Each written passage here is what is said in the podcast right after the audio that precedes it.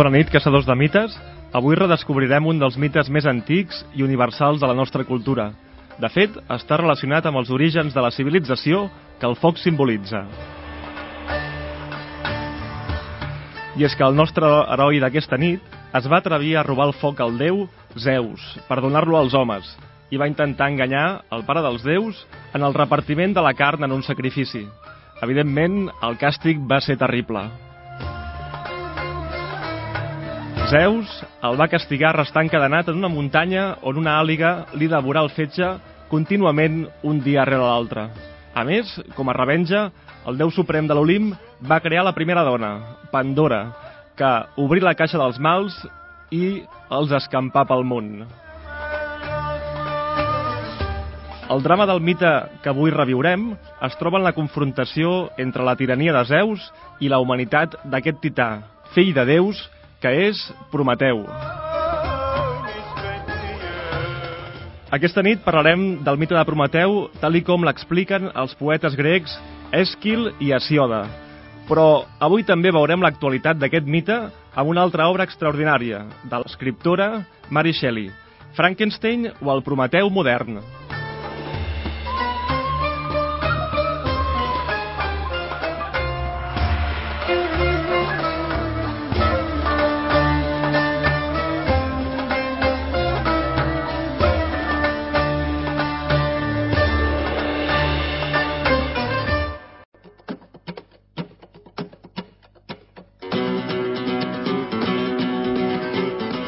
Escolteu-me, fills il·lustres de Gea i Uranus.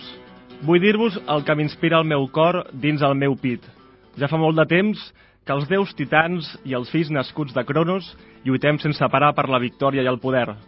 Per la vostra part, mostreu als titans la vostra força immensa i els vostres braços invencibles, enfrontant-vos-hi en un combat acarnissat, tot fent memòria de la nostra amistat generosa i de la nostra decisió, gràcies a la qual, després de patir tantes desgràcies i de veure-us sotmesos a una captivitat cruel sota una pregona foscor, vau aconseguir de veure de nou la llum.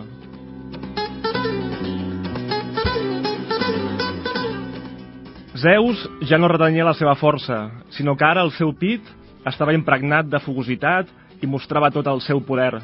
Sense parar, avançava i tant des del cel com des de l'Olimp atzivava llams contínuament i de la seva mà poderosa volaven els llams seguits de prop pel tro i el llampec, tot fent rodar la flama divina i per tot arreu la terra, donadora de vida, crepitava abrusada i el bosc immens i gran retrunyia arreu pel foc. I la terra sencera bullia, i bullien també els corrents de l'oceà i la mar. Un vapor abrasador embolcallava els titans damunt la terra i una flama atanyia el cel diví. I malgrat la seva força, la resplendor refulgent de llamps i llampecs cegava els seus ulls. Una xafogó divina dominava el caos. Tal era el fragor que provocaven els déus quan s'enfrontaven en combat.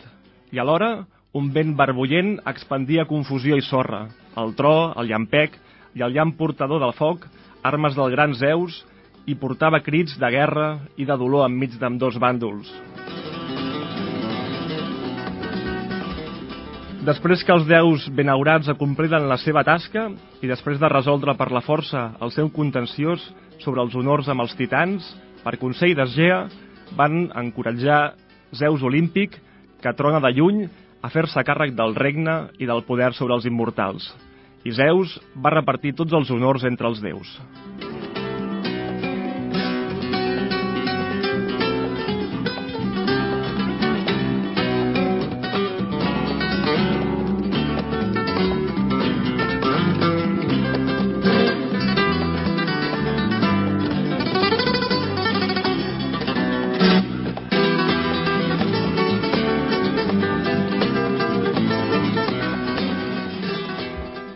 Aquest és un fragment del poema La Teogonia, del poeta grec Hesiode, que ens explica de quina manera es va formar l'ordre diví i com els déus olímpics van esdevenir senyors de l'univers. I és en aquest context on trobem el relat més antic del mite de Prometeu.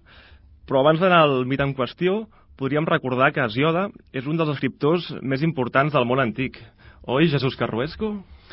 Eh, sí, sí, efectivament. És, és un poeta èpic, és més o menys contemporani dels poemes homèrics, a més dels més importants i dels més antics, no? i té un paper molt, molt important perquè és el que defineix una mica com són els déus grecs, qui són i quin aquestes figures tan essencials després per tota la cultura occidental. Mm -hmm. En Jesús Carruesco és professor de Filologia Grega a la Universitat Rovira i Virgília de Tarragona i és un col·laborador habitual del programa. Avui ens acompanya una vegada més per ajudar-nos a redescobrir el mite de Prometeu i dèiem que la Tagonia és una obra essencial per entendre la mitologia grega i és el poema més antic que relata el mite de Prometeu. Hauríem de dir també que el, eh, Prometeu és fill de Temis i de Jàpet, segons eh, el relat d'Hesíode. Per tant, podem dir que Prometeu és un tità molt proper als déus originaris. Quina diferència hi hauria entre els déus i els titans, Jesús? Bé, mm, déus són tots déus, no? però bàsicament quan parlem dels déus grecs pensem en els déus olímpics, que és la generació jove.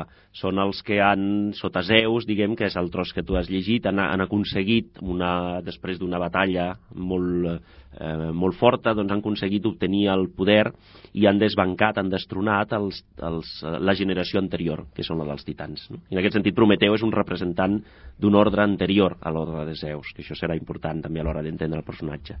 Mm -hmm tindríem com a, com a els titans doncs sis eh, homes, sis i sis dones, entre cometes, i entre els homes trobaríem Zeus, Crio, Cronos, Hiperio, Japet i Oceà. Prometeu és fill de Japet i de mm-hmm. Temis, mm -hmm ja, ja veiem que Cronos eh, és una figura que es troba per aquí i també destacarà. Sí, Recordem sí, sí. un moment mm, quina és la importància de Cronos. Sí, Cronos, que seria el Saturn després dels romans, eh, aquí encara no és el temps, com després se'l relaciona amb el, amb el temps, se juga amb la paraula Cronos, que també pot voler dir grec, temps en grec, però en Hesíode Cronos és bàsicament el rei anterior a Zeus, que es caracteritza per ser un rei despòtic, un rei tirànic, que desconfia de tothom, llavors hi ha la imatge famosa que es menja els seus propis fills perquè no puguin destronar-lo, no? i malgrat això justament doncs, aquest Zeus aconseguirà escapar aquesta, aquest destí i, i, i destronar i vèncer el, aquest poder tirànic de Cronos. I dins d'aquest món mm, si et sembla potser situar a Prometeu uh mhm. -huh. mm, que Prometeu seria, com tu has dit, fill de, de, de Japet eh, i de Temis Temis serà important perquè Temis és una divinitat que té a veure amb els oracles, amb la que diu la veritat, i llavors doncs, ja veurem que en el Prometeu d'Èsquil, sobretot Prometeu, doncs, com a fill de Temis, sap eh, el futur i té un secret molt important que, que Zeus vol, i després el seu, eh, per part del seu pare Japet això és, el podríem relacionar amb la idea del rebel, de la figura que és castigada, que, que resisteix al, al, fins i tot després que Zeus ha obtingut el poder, els fills de Japet són tots eh, d'alguna manera rebels al, al poder de Zeus i són castigats per ell. Potser el més famós, i potser per situar-lo, és eh, un dels germans de Prometeu, és Atlas, que tots coneixem uh -huh. la història, que és allò doncs, eh, castigat. No se sap molt bé per què, però probablement es, sembla que és també per una qüestió de revolta contra l'ordre de Zeus, a aguantar el cel sobre les seves espatlles. No? És la figura típica del tità, uh -huh. també, no? D'aquí vindria també la, la, el nom de la muntanya al, al Marroc, sí, Atlas. Sí, sí, efectivament. Sí, això té també la seva importància d'altra banda, però bueno, potser ho desenvolupem després, la qüestió aquesta geogràfica. L'Atlas se situa al Marroc, que per als grecs és, és, és l'extrem occident del uh. -huh. seu, del seu, de la seva geografia, i, i el càstig de Prometeu, quan sigui castigat, se situa a l'extrem contrari, al, a la muntanya del Caucas, que seria per als grecs doncs, l'extrem oriental del món. Per tant, entre Atlas i Prometeu defineixen una mica els límits on es mourà el, la condició humana, no? l'espai geogràfic en el que es mouen els grecs i que són bàsicament el Mediterrani, entre les seves dues puntes. Mm -hmm. Perquè eh, quan parlem d'Hesiode estem parlant d'un eh, poeta que el podem situar més enllà de l'any 500 abans de Crist, aproximadament. Sí, sí, bastant. De fet, eh, hi, ha, hi ha diferents eh, opinions, però vaja, bàsicament estan, vull dir, els estudiosos estan bastant d'acord en, en situar-lo molt al principi del, de l'època arcaica grega. És a dir, que seria bàsicament al segle VII, eh, a principis del segle VII abans de Crist, més eh, probablement. Vull dir que seria fins i tot contemporani dels poemes homèrics, no? de la Ilíada i l'Odissea, que juntament amb ells la Teogonia seria bàsicament les primeres obres eh, que, que han quedat per escrit de la, de la cultura grega. Mm -hmm. A la Teogonia llegim que Prometeu va intentar enganyar Zeus en la repartició de la carn d'un bou entre els déus i els mortals, o sigui, els humans. Quina importància té aquesta escena per entendre el mite? Clar, això és potser la, la part menys coneguda per nosaltres del mite de Prometeu, la que ha estat més, menys utilitzada posteriorment, perquè de fet això cal entendre-ho des del punt de vista de la, del, del món grec i de la cultura, de la religió grega. I aquí està bàsicament aquesta història de l'engany de Prometeu a Zeus per la, sobre la, la, les parts del, del, del, del bou, mm, és un mite sacrificial. I de fet en aquí explica l'origen de la condició humana i la separació dels déus i els homes, bàsicament a través d'aquest ritual que és el ritual central de la religió grega, que és això, matar una víctima sacrificial per després repartir la seva, la seva despulla, diguem, i una part va a parar als, eh, se l'ofrena als déus sobre l'altar, es crema, i els déus reben, doncs, diguem, la, els aromes d'aquest foc. Eh? Eh, sacrificial i l'altra part, la, la carn, és la que després la queden els homes, és cuinada i és compartida per tota la comunitat doncs, en, una, en una taula, en un banquet. Mm. Llavors això, això és molt important, clar, per nosaltres no ho és tant, però per, per als grecs és essencial aquesta idea perquè és el, el que funda la religió. En, en aquest cas, eh, l'atreviment de Prometeu el va portar a intentar enganyar Zeus i oferir-li doncs, eh, una, una part doncs, que no era la més sucosa, diguéssim, d'aquest bou mm. per donar-lo, en canvi, sí als homes. Exacte. És una, aquí el que tenim és una... Enfront de la, del tros que tu has llegit, que és la batalla de força, de violència de, de Zeus contra els titans, aquí tenim una batalla d'astúcia. I Prometeu guanya fins i tot el, el mateix eh, Zeus eh, en, en, aquest, en aquest engany, no? donant-li una part que aparentment per fora és, és la més atractiva, però per dins en realitat és una part incomestible, que són els ossos, les, la, la part més, eh, més dolenta des del nostre punt de vista. Clar, això té un altre aspecte, que de fet eh, Zeus es deixa enganyar també perquè això d'alguna manera separarà o, o, o els déus dels, dels homes.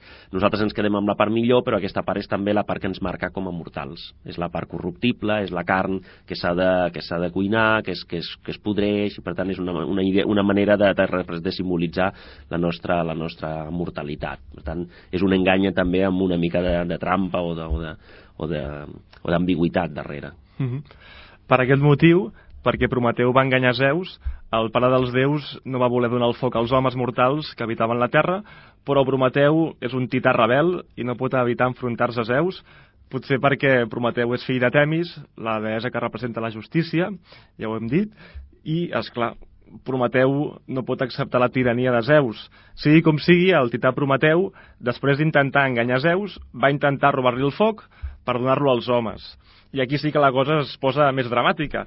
Quin atreviment el de Prometeu, oi, Jesús? El, això porta unes conseqüències fatals per ell. Sí, seguim doncs com en el, la segona part en la qual es repeteix una mica la, la, el que havia passat abans. No? També hi ha aquest engany en què Prometeu li roba, supera Zeus en astúcia, doncs, eh, entrant i robant-li una espurna del foc del foc diví que la porta als, als homes. No? I en això també eh, torna a ser una cosa, de fet és una cosa també molt, molt ambigua en el cas de Ziuda, perquè torna a ser quelcom que a nosaltres ens marca com un, diguem, ens dona un privilegi, aquesta civilització, aquest domini del foc, Eh, però d'altra banda també hi ha aquesta idea que també deixa entendre Hesíode, que és un foc també que porta una idea de, de mortalitat també darrere. No? És el, el llamp de Zeus és el foc que mai no s'extingeix, el que roba Prometeu és una petita espurna amagada dins d'una canya i que s'ha de, eh, i que de contínuament d'alimentar. El, el, el foc per als grecs és, és això, aquest foc que nosaltres tenim és un foc que també doncs, se l'ha d'alimentar perquè és voraç, és devorador i en qualsevol moment es pot apagar. Per tant, té també aquest doble element. És la civilització i alhora també la mortalitat de l'home eh, enfront del, del foc diví, del llamp de Zeus. No? Mm -hmm. El càstig que per ell doncs, eh, va decidir Zeus és una autèntica tortura. L'escena de Prometeu encadenat i amb una àliga picant-li al fetge és una de les més conegudes de la mitologia grega i realment és un càstig mm, digne d'un déu molt tirà o molt contrariat.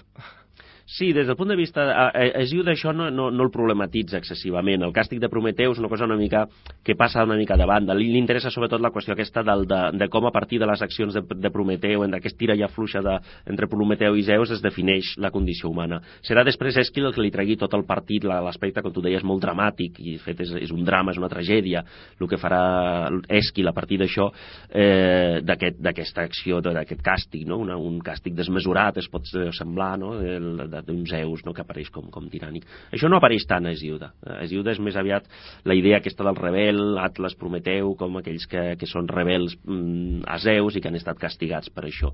No es qüestiona especialment, doncs, diguem, l'oportunitat o no del càstig aquest. Mm, molt bé.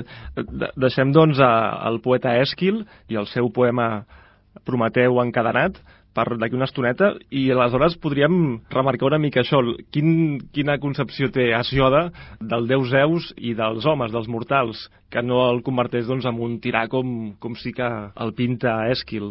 Clar, per Hesiode, de fet, eh, eh, de fet, com, com tu has llegit, justament és, és, al, és al revés, diríem. Zeus és l'ordre, és, la, és, representa, doncs, diguem, l'accés a un repartiment just del, del poder enfront de justament Cronos que representava la, la, la tirania no? eh, el que passa és que llavors clar, el mite de Prometeu es posa justament en aquest moment perquè serà també el pas diguem per la condició humana a la part que li toca de fet en aquest sentit el Prometeu de Ziuda tot i que doncs, es revolta amb, com Zeus i és castigat d'altra banda està col·laborant amb, la, amb el pla de Zeus en el sentit que, que amb les seves accions contribueix a repartir també la part que li tocarà a l'home dins de tot aquest eh, esquema general del cosmos no? Mm. que serà aquest lloc intermig. Bàsicament podríem dir que l'home, després de les accions de Prometeu, queda definit com aquest, aquest ésser que està entre, entre les bèsties i els déus un ésser que no és un animal, es diferencia de l'animal perquè té doncs, el foc, té la tècnica, té tota una sèrie d'elements que, el, que, el, que el distancien, i alhora eh, es distancia també dels déus, perquè és mortal, bàsicament.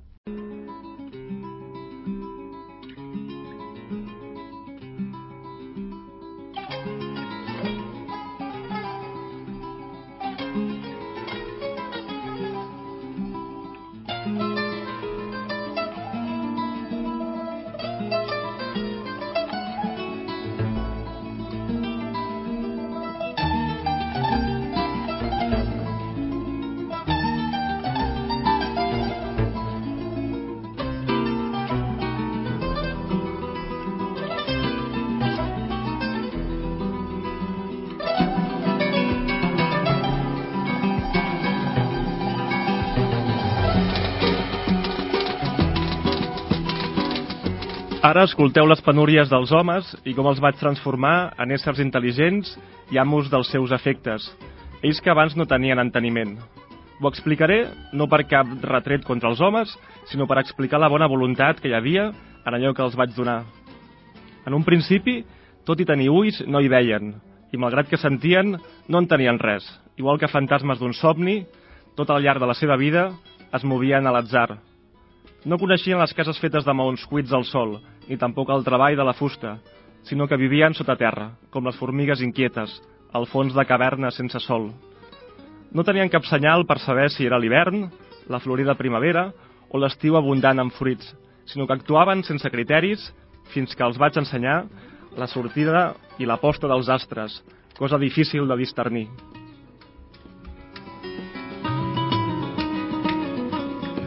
I també els vaig descobrir el nombre, que preval per sobre dels altres invents, i la unió de les lletres, on hi ha una memòria universal, artesana, mare de les muses. Jo vaig ser el primer a junyir les bèsties i a sotmetre-les sota l'arnès a fi de substituir les persones en els treballs més fatigosos, i vaig enganxar el cavall al carro, obedient a la brida, ornament de luxe i opulència, i els vehicles dels navegants que solquen la mar proveïts d'ales d'allí, ningú altre sinó jo els, els inventar.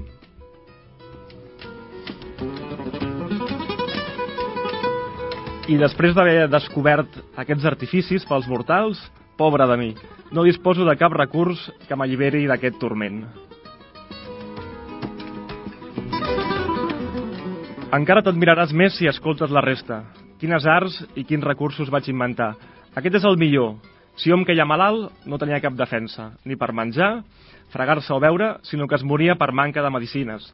Això fins que jo els vaig ensenyar les barreges dels remeis medicinals que curen qualsevol malaltia. Vaig classificar les moltes formes d'endevinació i vaig ser el primer a distingir la part de cada somni que ha de succeir en realitat. Els vaig donar a conèixer les veus que inclouen presagis de difícil interpretació i les troballes premonitòries al llarg dels camins.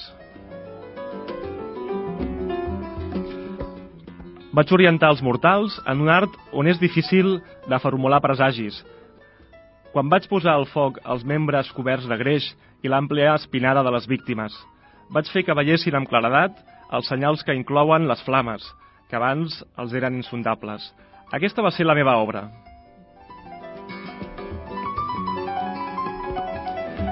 Així, tot resumint, sàpigues-ho en breus mots. Els mortals han rebut totes les arts de Prometeu.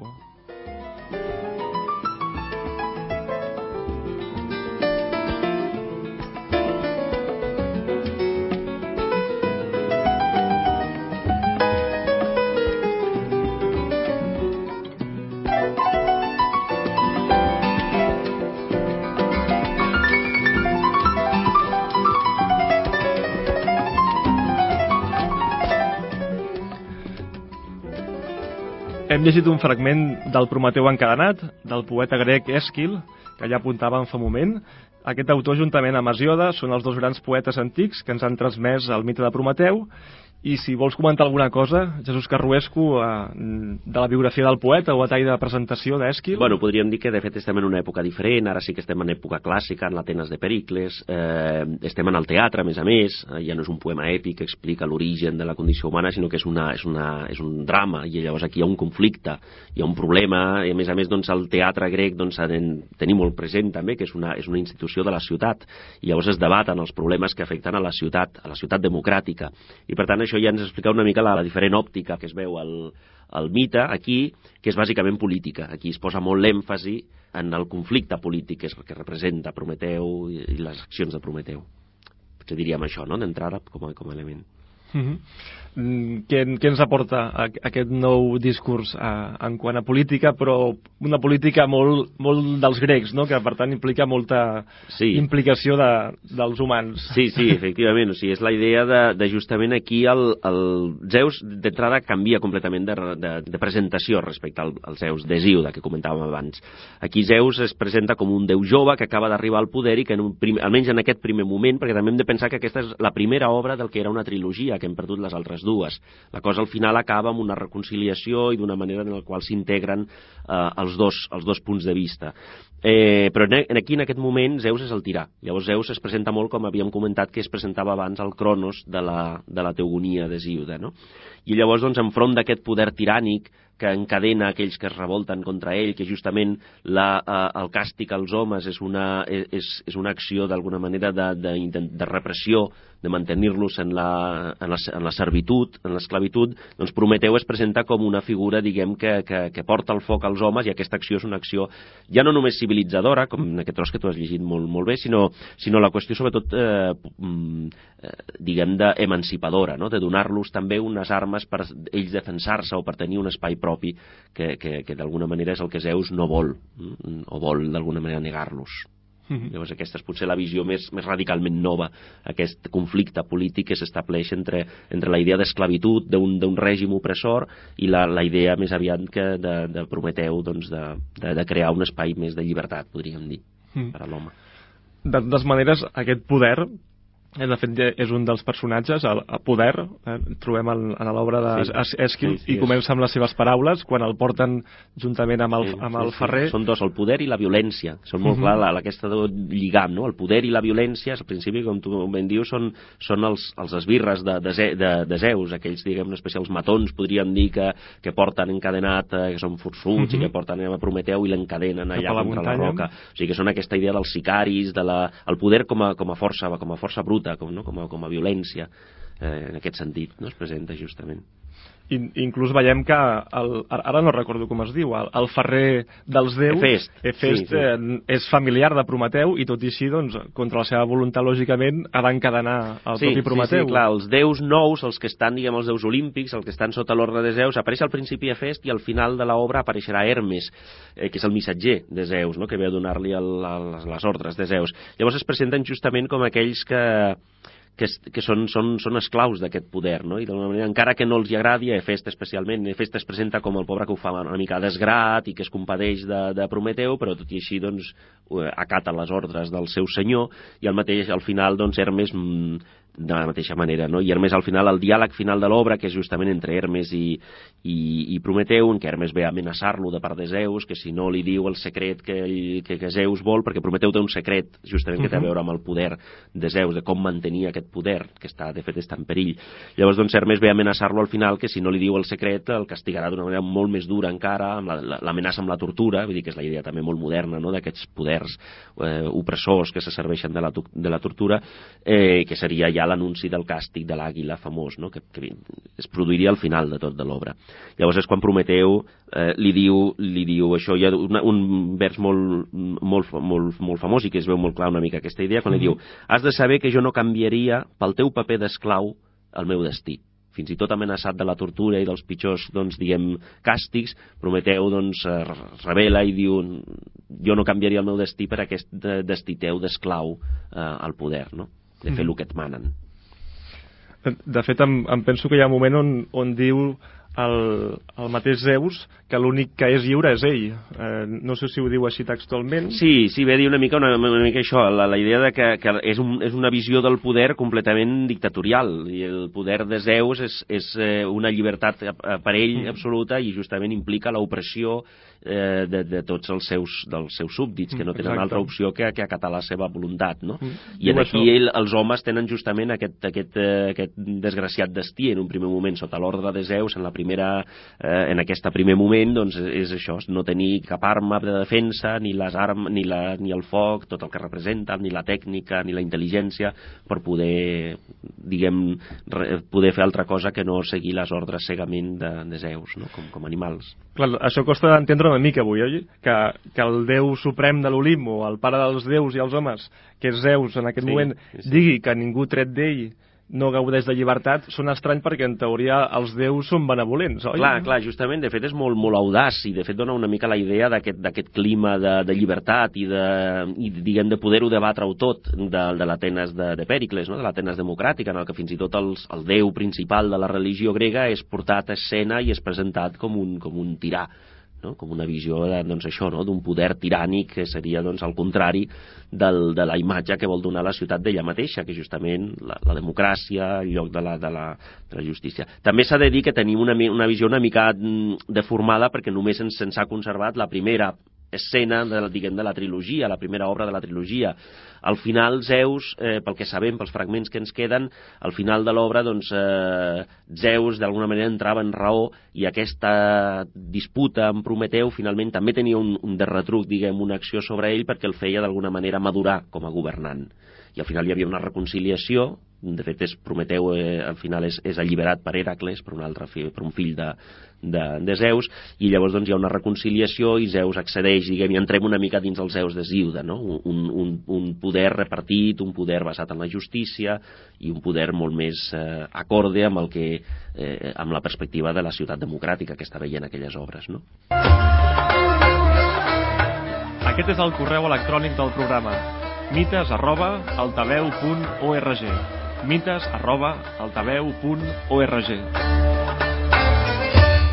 al fil del que deia en Jesús Carruesco, podríem fer un altre salt per veure l'evolució d'aquest mite i centrar-nos en un moment en Plató que afegeix un, un nou element important que ja ho hem apuntat, i és que Zeus doncs, reparteix entre els homes la vergonya i la justícia. Això ens ho explica Plató amb un discurs que, que fa i planteja doncs, aquests nou, nous elements. Sí, sí, és, sí. Realment són molt importants, oi? Sí, per entendre la modernitat. Exacte. De la... Plató, de fet, continua una mica doncs, la reflexió política que, que, que feia Èsquil, no? i llavors doncs, és, és en, un, en un discurs que fa un, un, un sofista, és el diàleg Protàgores de Plató, uh mhm. -huh. llavors doncs, eh, ens explica el mite de Prometeu d'alguna manera reinterpretat.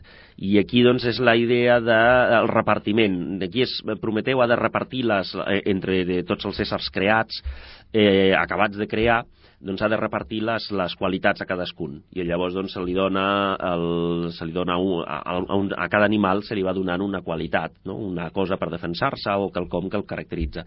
Llavors arriba al final i l'home queda sense repartir res. I llavors és quan eh, Prometeu li dona el foc, roba el foc i li dona el foc com una manera de poder defensar-se, ja que ell no té ni, ni, ni ullals, ni, ni, eh, ni, ni pell per protegir-se del fred, eh, diguem, com com els animals, doncs té aquesta intel·ligència. Però ni tan sols això és suficient i llavors ha d'haver-hi aquest eh, moment últim, que és el que tu comentaves, en el qual Zeus intervé i completa l'acció de Prometeu donant-los als homes la justícia i la, diguem, la, la, la, el, poder, la, la, el poder viure en comunitat, eh, que és la política, bàsicament. Per als grecs, o vist per Plató, la justícia és la política.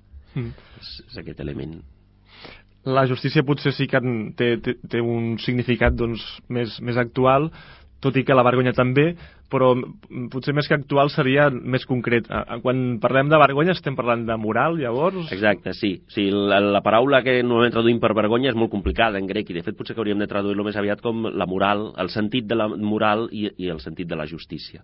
Aquests són els dos elements que ni tan sols el, el foc de Prometeu és, eh, és suficient per a l'home. Llavors necessitem, llavors eh, es presenta com a, gràcies al foc i als estris que podem fabricar amb el foc, doncs podem abrigar-nos, podem fabricar abrics, vestits, cases per viure-hi, però falta una cosa, que és eh, justament el saber viure en comunitat. I llavors aquesta capacitat de poder de, de formar una, una polis, formar una societat, de no matar-nos els uns als altres, perquè els primers homes, fins i tot amb el foc de Prometeu, no sabien veure en comunitat, llavors si es tancaven dins d'una ciutat, doncs acabaven matant-se els uns als altres, i si no, doncs acabaven vivint cadascú doncs, com ermitanys per, per, en llocs eh, apartats, i al final els, el, les bèsties els devoraven igualment. O sigui que faltava aquest element últim per la condició humana que només Zeus el podrà donar, en el cas de, Pla, de Plató, diguem que Zeus completa l'acció de Prometeu, que és això, la, el sentit de la moralitat, i el, és a dir, del que està bé i del que està malament, del que es pot fer i el que no es pot fer, i el sentit de la justícia. I gràcies a això l'home realment pot sobreviure, perquè viu en comunitat. No? Llavors aquí entraríem en la definició també d'Aristòtil de l'home, que diu això, no? que l'home és un animal polític. El que acaba finalment de definir l'home és aquesta capacitat de viure en comunitat, de tenir unes lleis, unes normes, de respectar-se, etc. Molt bé. Podem fer un altre salt en, darrere. Anem fent saltirons entre els diferents autors que en, ens formen aquest mite de Prometeu, perquè ens havíem oblidat de Pandora, que també doncs, eh, és eh, la dona que crea a Zeus, per, mm, possiblement sí, doncs, perquè sí, sí, realment sí. la civilització pugui avançar. Sí, realment aquí tornem, això tornaríem un altre cop a la, al, al primer de tots, al, a Hesíode, justament, no? que al uh mhm. -huh. final, després de Prometeu ser castigat, eh, aquí s'introdueix un altre element, que és que Prometeu té un germà, un germà que és més, més tonto que ell, que és Epimeteu. No? Prometeu, de fet, vol dir en grec el previsor, el que és capaç d'avançar-se al futur i que té intel·ligència, i Epimeteu és una mica el, el que no sap, una mica com es deixa enganyar fàcilment. No? I llavors, doncs, Epimeteu se li dona aquest regal enverinat estat, que és Pandora. I això acaba de completar la, el paper de l'home i de la condició humana que és també molt complicat perquè torna a ser una, un quelcom molt ambigu. Ah, clar, és que realment sona molt malament segons quines lectures de, de Pandora, clar, clar. la dona que reparteix el mal entre els Exacte, homes. Això es pot veure com una cosa que ens creen molt, la dona... Clar, molt misògina, no? una mica molt, com, com la Eva de, de, diguem, de Dan i Eva, que diguem, per culpa d'Eva doncs estem sí, com sí. estem, és la, que, la tentació, clar. és la que cau en la tentació, és la feble, és això, no? Una cosa I... és la caixa de Pandora i l'altra és la clar, Pandora clar, pròpiament, clar, la dona. Sí, a veure, un element hi ha, aquestes cultures són patriarcals i evidentment la dona representa quelcom d'ambigüitat, no? quelcom que és un bé i un mal alhora. Mm. I llavors està carregada d'ambigüitat, efectivament. D'una banda, doncs, igual que Eva cau en la tentació, ella no sap estar-se ni obre la caixa dels trons, no? dels mals. No? I, i d'altra banda, la dona és necessària perquè per als grecs representa el matrimoni, representa, doncs, diguem, també un element bàsic de la societat. L'home viu en política, en societat, en justícia, perquè també doncs, segueix unes normes, unes regles a l'hora de, de casar-se, de tenir fills, de poder llavors trans, tenir fills legítims, poder transmetre l'herència, i per tant la dona és, és un mal en la mesura que introdueix tots aquests mals, diguem, per la seva, per la seva curiositat, doncs, diguem, obre la caixa, però alhora és un bé irrenunciable per a l'home perquè representa tot allò que és la idea de legalitat, d'ordre, de, de seguir unes normes, etc. Pandora bàsicament és, és la dona i és també la primera esposa, en aquest sentit funda també un element, un pilar bàsic de la, de la, de la polis, que és la família, la família legítima, el, la casa, els fills legítims i aquesta, aquesta idea d'estabilitat i d'ordre. Per tant, és, és molt més complex i molt més ambigu que la primera idea que podem tenir de dir, de dir això, no? que misògin, no? Però la dona sempre apareix com la que s'ho carrega tots els mals del món. No? De fet, és més complicat que això. Era una trampa que, que va parar sí, Zeus exacte, perquè la, és... la caixa ningú sabia el que hi havia, però la seva curiositat, clar, clar. Torna com la poma, no? Potser... Sí, torna, en el mite de Ziuda es va repetint sempre aquesta idea d'aquests regals o aquestes, aquests elements que definiran la condició humana justament com coses ambigües, que són d'una banda són un bé i d'altra són un mal. No? Les parts del bou, després ve el foc, després ve la Pandora, la primera dona, i després ve la, la gerra aquesta, que tampoc no és del tot un mal, perquè al final queda dins eh, una cosa que serà essencial per a l'home, que és l'esperança. Quan, diguem, tots els mals s'han escampat entre els homes, queda dins una coseta que és l'esperança i que també és complicat, no? perquè què és això de l'esperança? No? És, un, és com Prometeu mateix la idea de la previsió, de la intel·ligència, el poder tenir una, una perspectiva de futur, que diguem que és una cosa que ens diferencia dels animals, també, que viuen en un present, en un present continu, sense tenir cap mena de, de consciència del temps. No?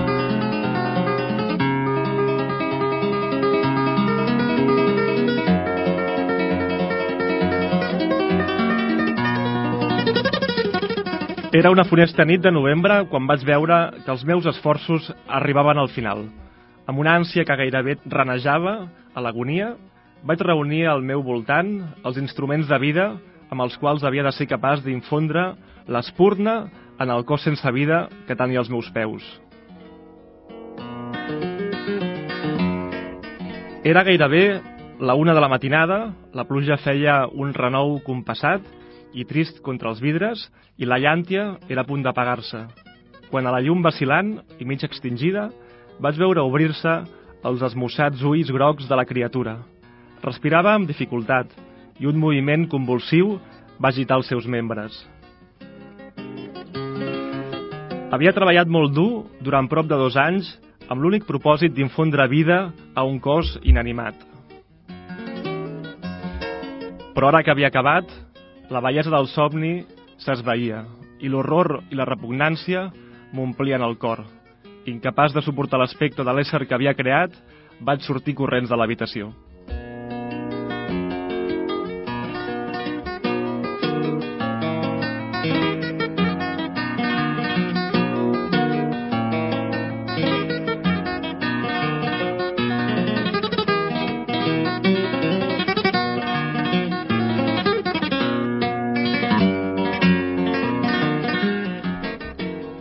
Aquest fragment és una part de la novel·la Frankenstein de l'escriptora anglesa Mary Shelley, o millor dit, de Frankenstein, el Prometeu modern, com es titula, i és una altra evolució d'aquest mite que ens aporta doncs, nous, nous elements, una nova interpretació doncs, a una època posterior, l'any 1816 és quan es publica, i també ens pot explicar doncs, una mica més què significa doncs, a, a aquesta part de, de la creació mm. que, que apunta al mite de Prometeu.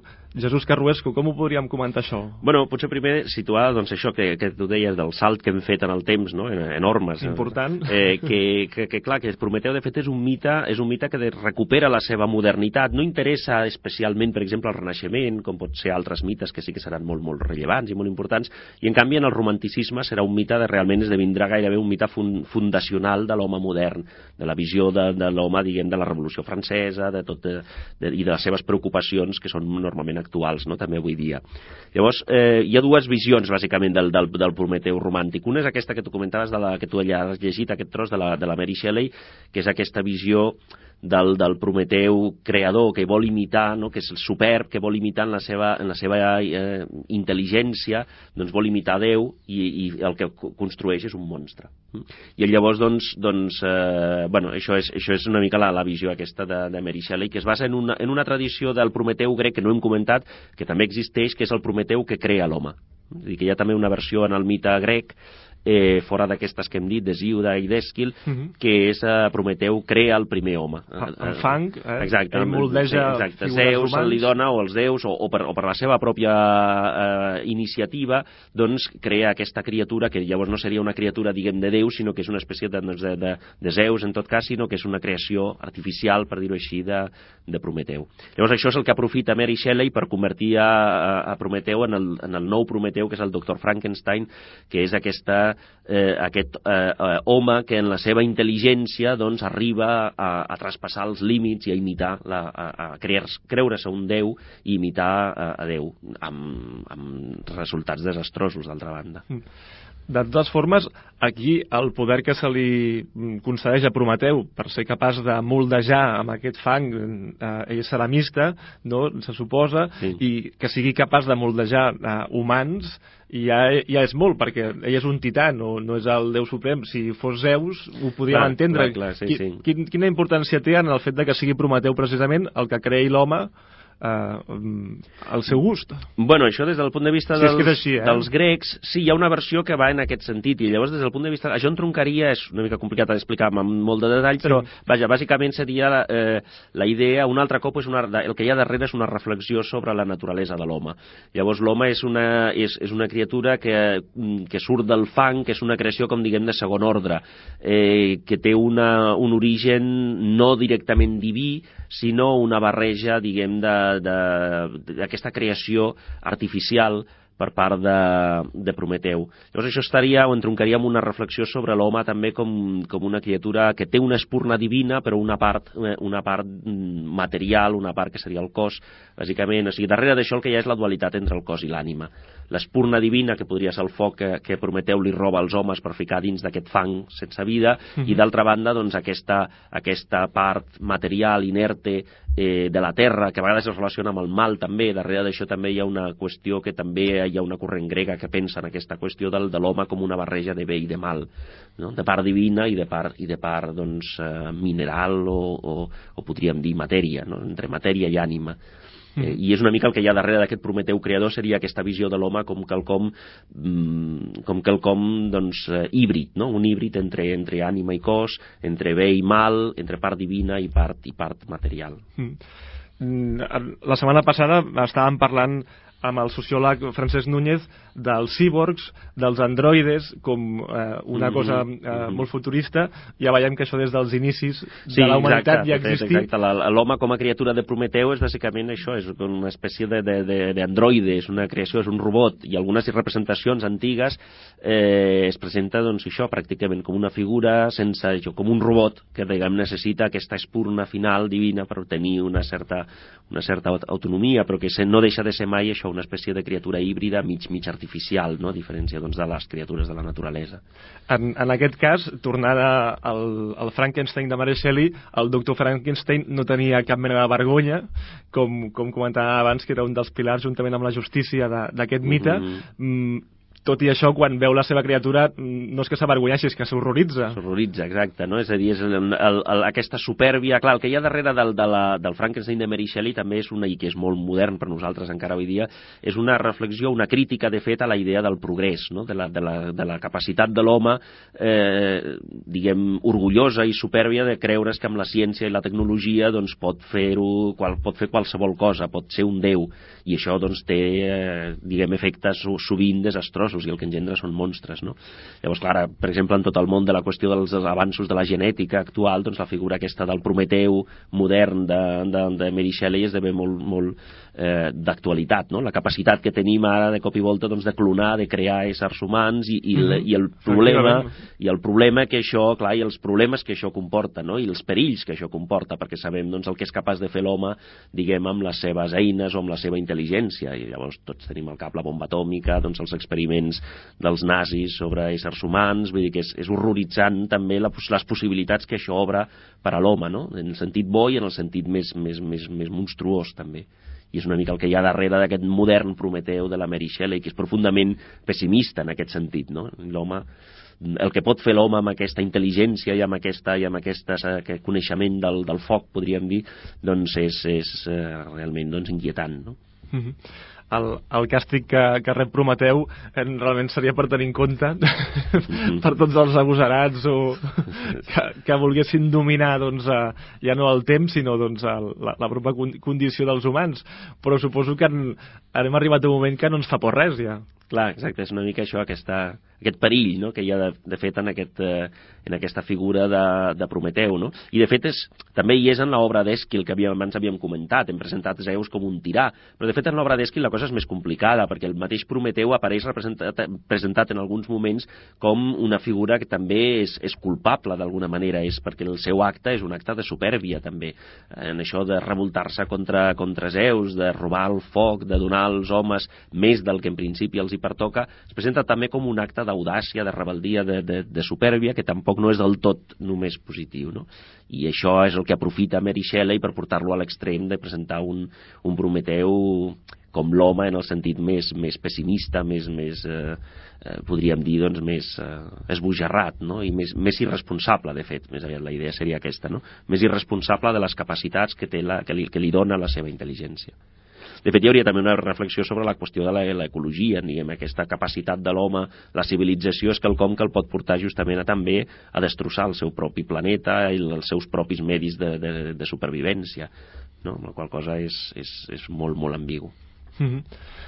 No sé si ens hem deixat el, algun element eh, del, del mite clàssic que ens pugui també enllaçar amb, el, amb aquest eh, modern Prometeu de Frankenstein bàsicament el, el paral·lelisme que podíem trobar era aquesta afany de, de creació, però n'hi ha algun altre que també Home, sigui més, destacable? Més que del mite clàssic, potser el, ara que hem parlat dels romàntics i que hem parlat de, de Mary Shelley i del Frankenstein, aquest és un dels dos Prometeus romàntics que ja hem dit, que de fet els romàntics també hi ha una altra interpretació romàntica de Prometeu, també molt moderna d'altra banda, que és, eh, seguint en la línia política d'Èsquil, eh, el Prometeu titànic, heroic, no? aquesta figura del rebel, hem dit moltes vegades l'acció del rebel, doncs clar, si pensem en el romanticisme, que és el moment de la Revolució Francesa, de la, de la emancipació de l'home contra l'opressió, doncs eh, un altre Prometeu romàntic, que seria, per exemple, el que es veu en un poema de Goethe, seria aquesta idea justament de, de l'heroi titànic, del rebel, etc.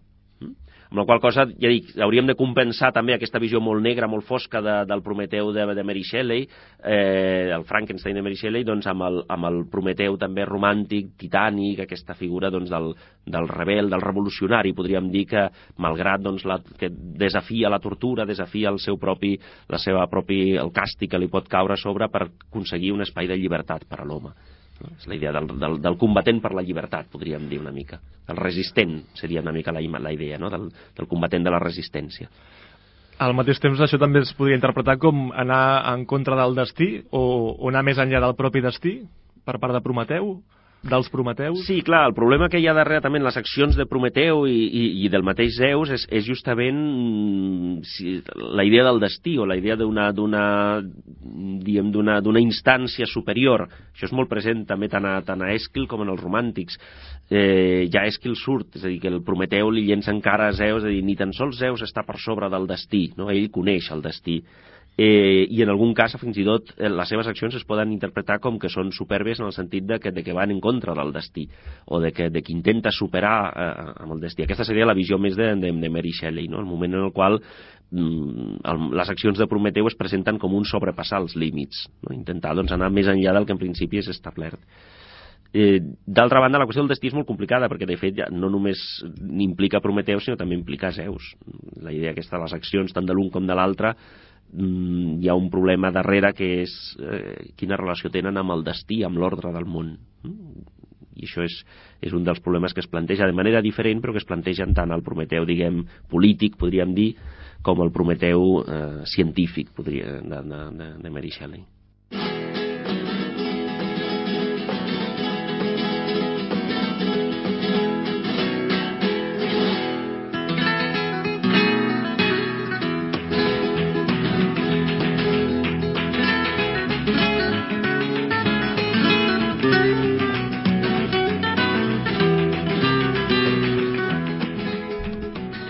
El somni de llibertat esdevé la cadena que em lliga ja per sempre al meu cant dolorós.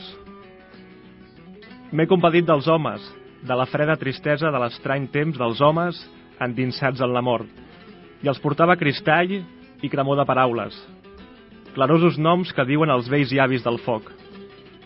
Àguila, vinguda del naixement del llamp, d'on veus com es pensa de la blancor de la neu, cerca per la llum la més secreta vida, pel sol, palpitant, tota la nua vida. Obriràs amb el bec eternament camins a la sang que ofereixo com a preu d'aquest do.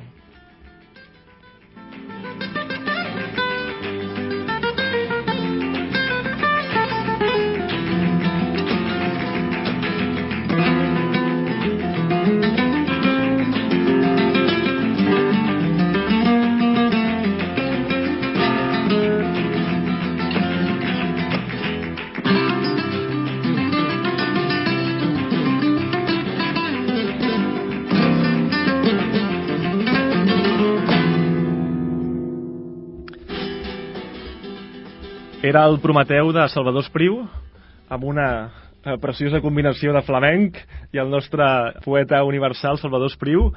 Jesús Carruesco, afegim algun element més d'aquesta lluita per dominar el propi destí de l'home? Uh, parlàvem de, de Goethe fa un moment, si vols seguim amb aquesta versió del mite. Sí, de fet el, el, és poc coneguda. De fet, la versió del mite és un, de Goethe és un petit poema, que de fet és molt breu, en el qual apareix justament una altra visió d'aquest Prometeu modern, molt més confiada, molt més optimista que la de, que la de Mary Shelley, eh, en què justament és la revolta contra l'obscurantisme, diguem, no? la capacitat de l'home d'emancipar-se, de, d'esdevenir eh, una figura eh, lliure, de, la, de les traves de, del, dels, dels déus antics. Llavors hi ha un tros que potser val la pena de llegir, el tinc en castellà, llegeix un trosset eh, del principi. Sí, sisplau. diu, Cubre, oh Zeus, tu cielo con nebuloso velo, y ejercítate en la cumbre del monte y con las encinas igual que el muchacho que desmocha el cardo. Mas déjame a mí permanecer seguro en mi tierra, en mi pobre cabaña, que no es obra tuya, y en mi hogar, al iluminarme enciende tu envidia. Yo no conozco nada más indigente bajo la luz del sol que vosotros, oh dioses. Con crueles ofrendas y vaho de plegarias saciáis vuestra majestad, y estaríais en la miseria si el niño y el mendigo no estuviesen llenos de esperanza. Justament hi ha aquesta idea, no?, que es veu uh -huh. molt allà al principi, de com el que ha fet Prometeu és crear un espai, no?, la, la casa, l'espai de l'home, que és un espai de llibertat que ja no necessita dels, dels déus, és aquest alliberament de les forces naturals, aquest espai d'alguna manera d'intel·ligència o, de, o de llibertat, també. I al final del poema, potser per saltar cap al final, eh, que és molt interessant i que és justament aquesta visió romàntica, no? Aquí estoy yo, formo hombres, acordes con mi imagen, una raza semejante a mí en sufrir, en llorar, en gozar y en disfrutar, y en no respetarte, igual que yo.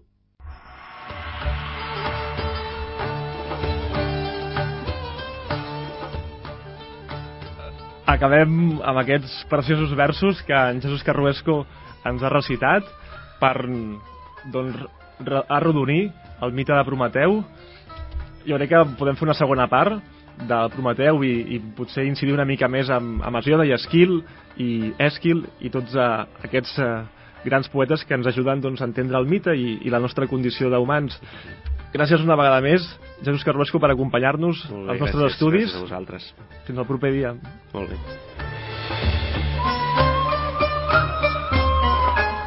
Com sempre, el, el programa d'avui ha sigut possible en Carles Hernández, que controla les vies de so, qui us ha parlat, Jordi Gallego, en nom d'Altaveu, us agraeix la vostra companyia i, i us espera el proper dimecres amb més mites. Fins llavors, salut i pau.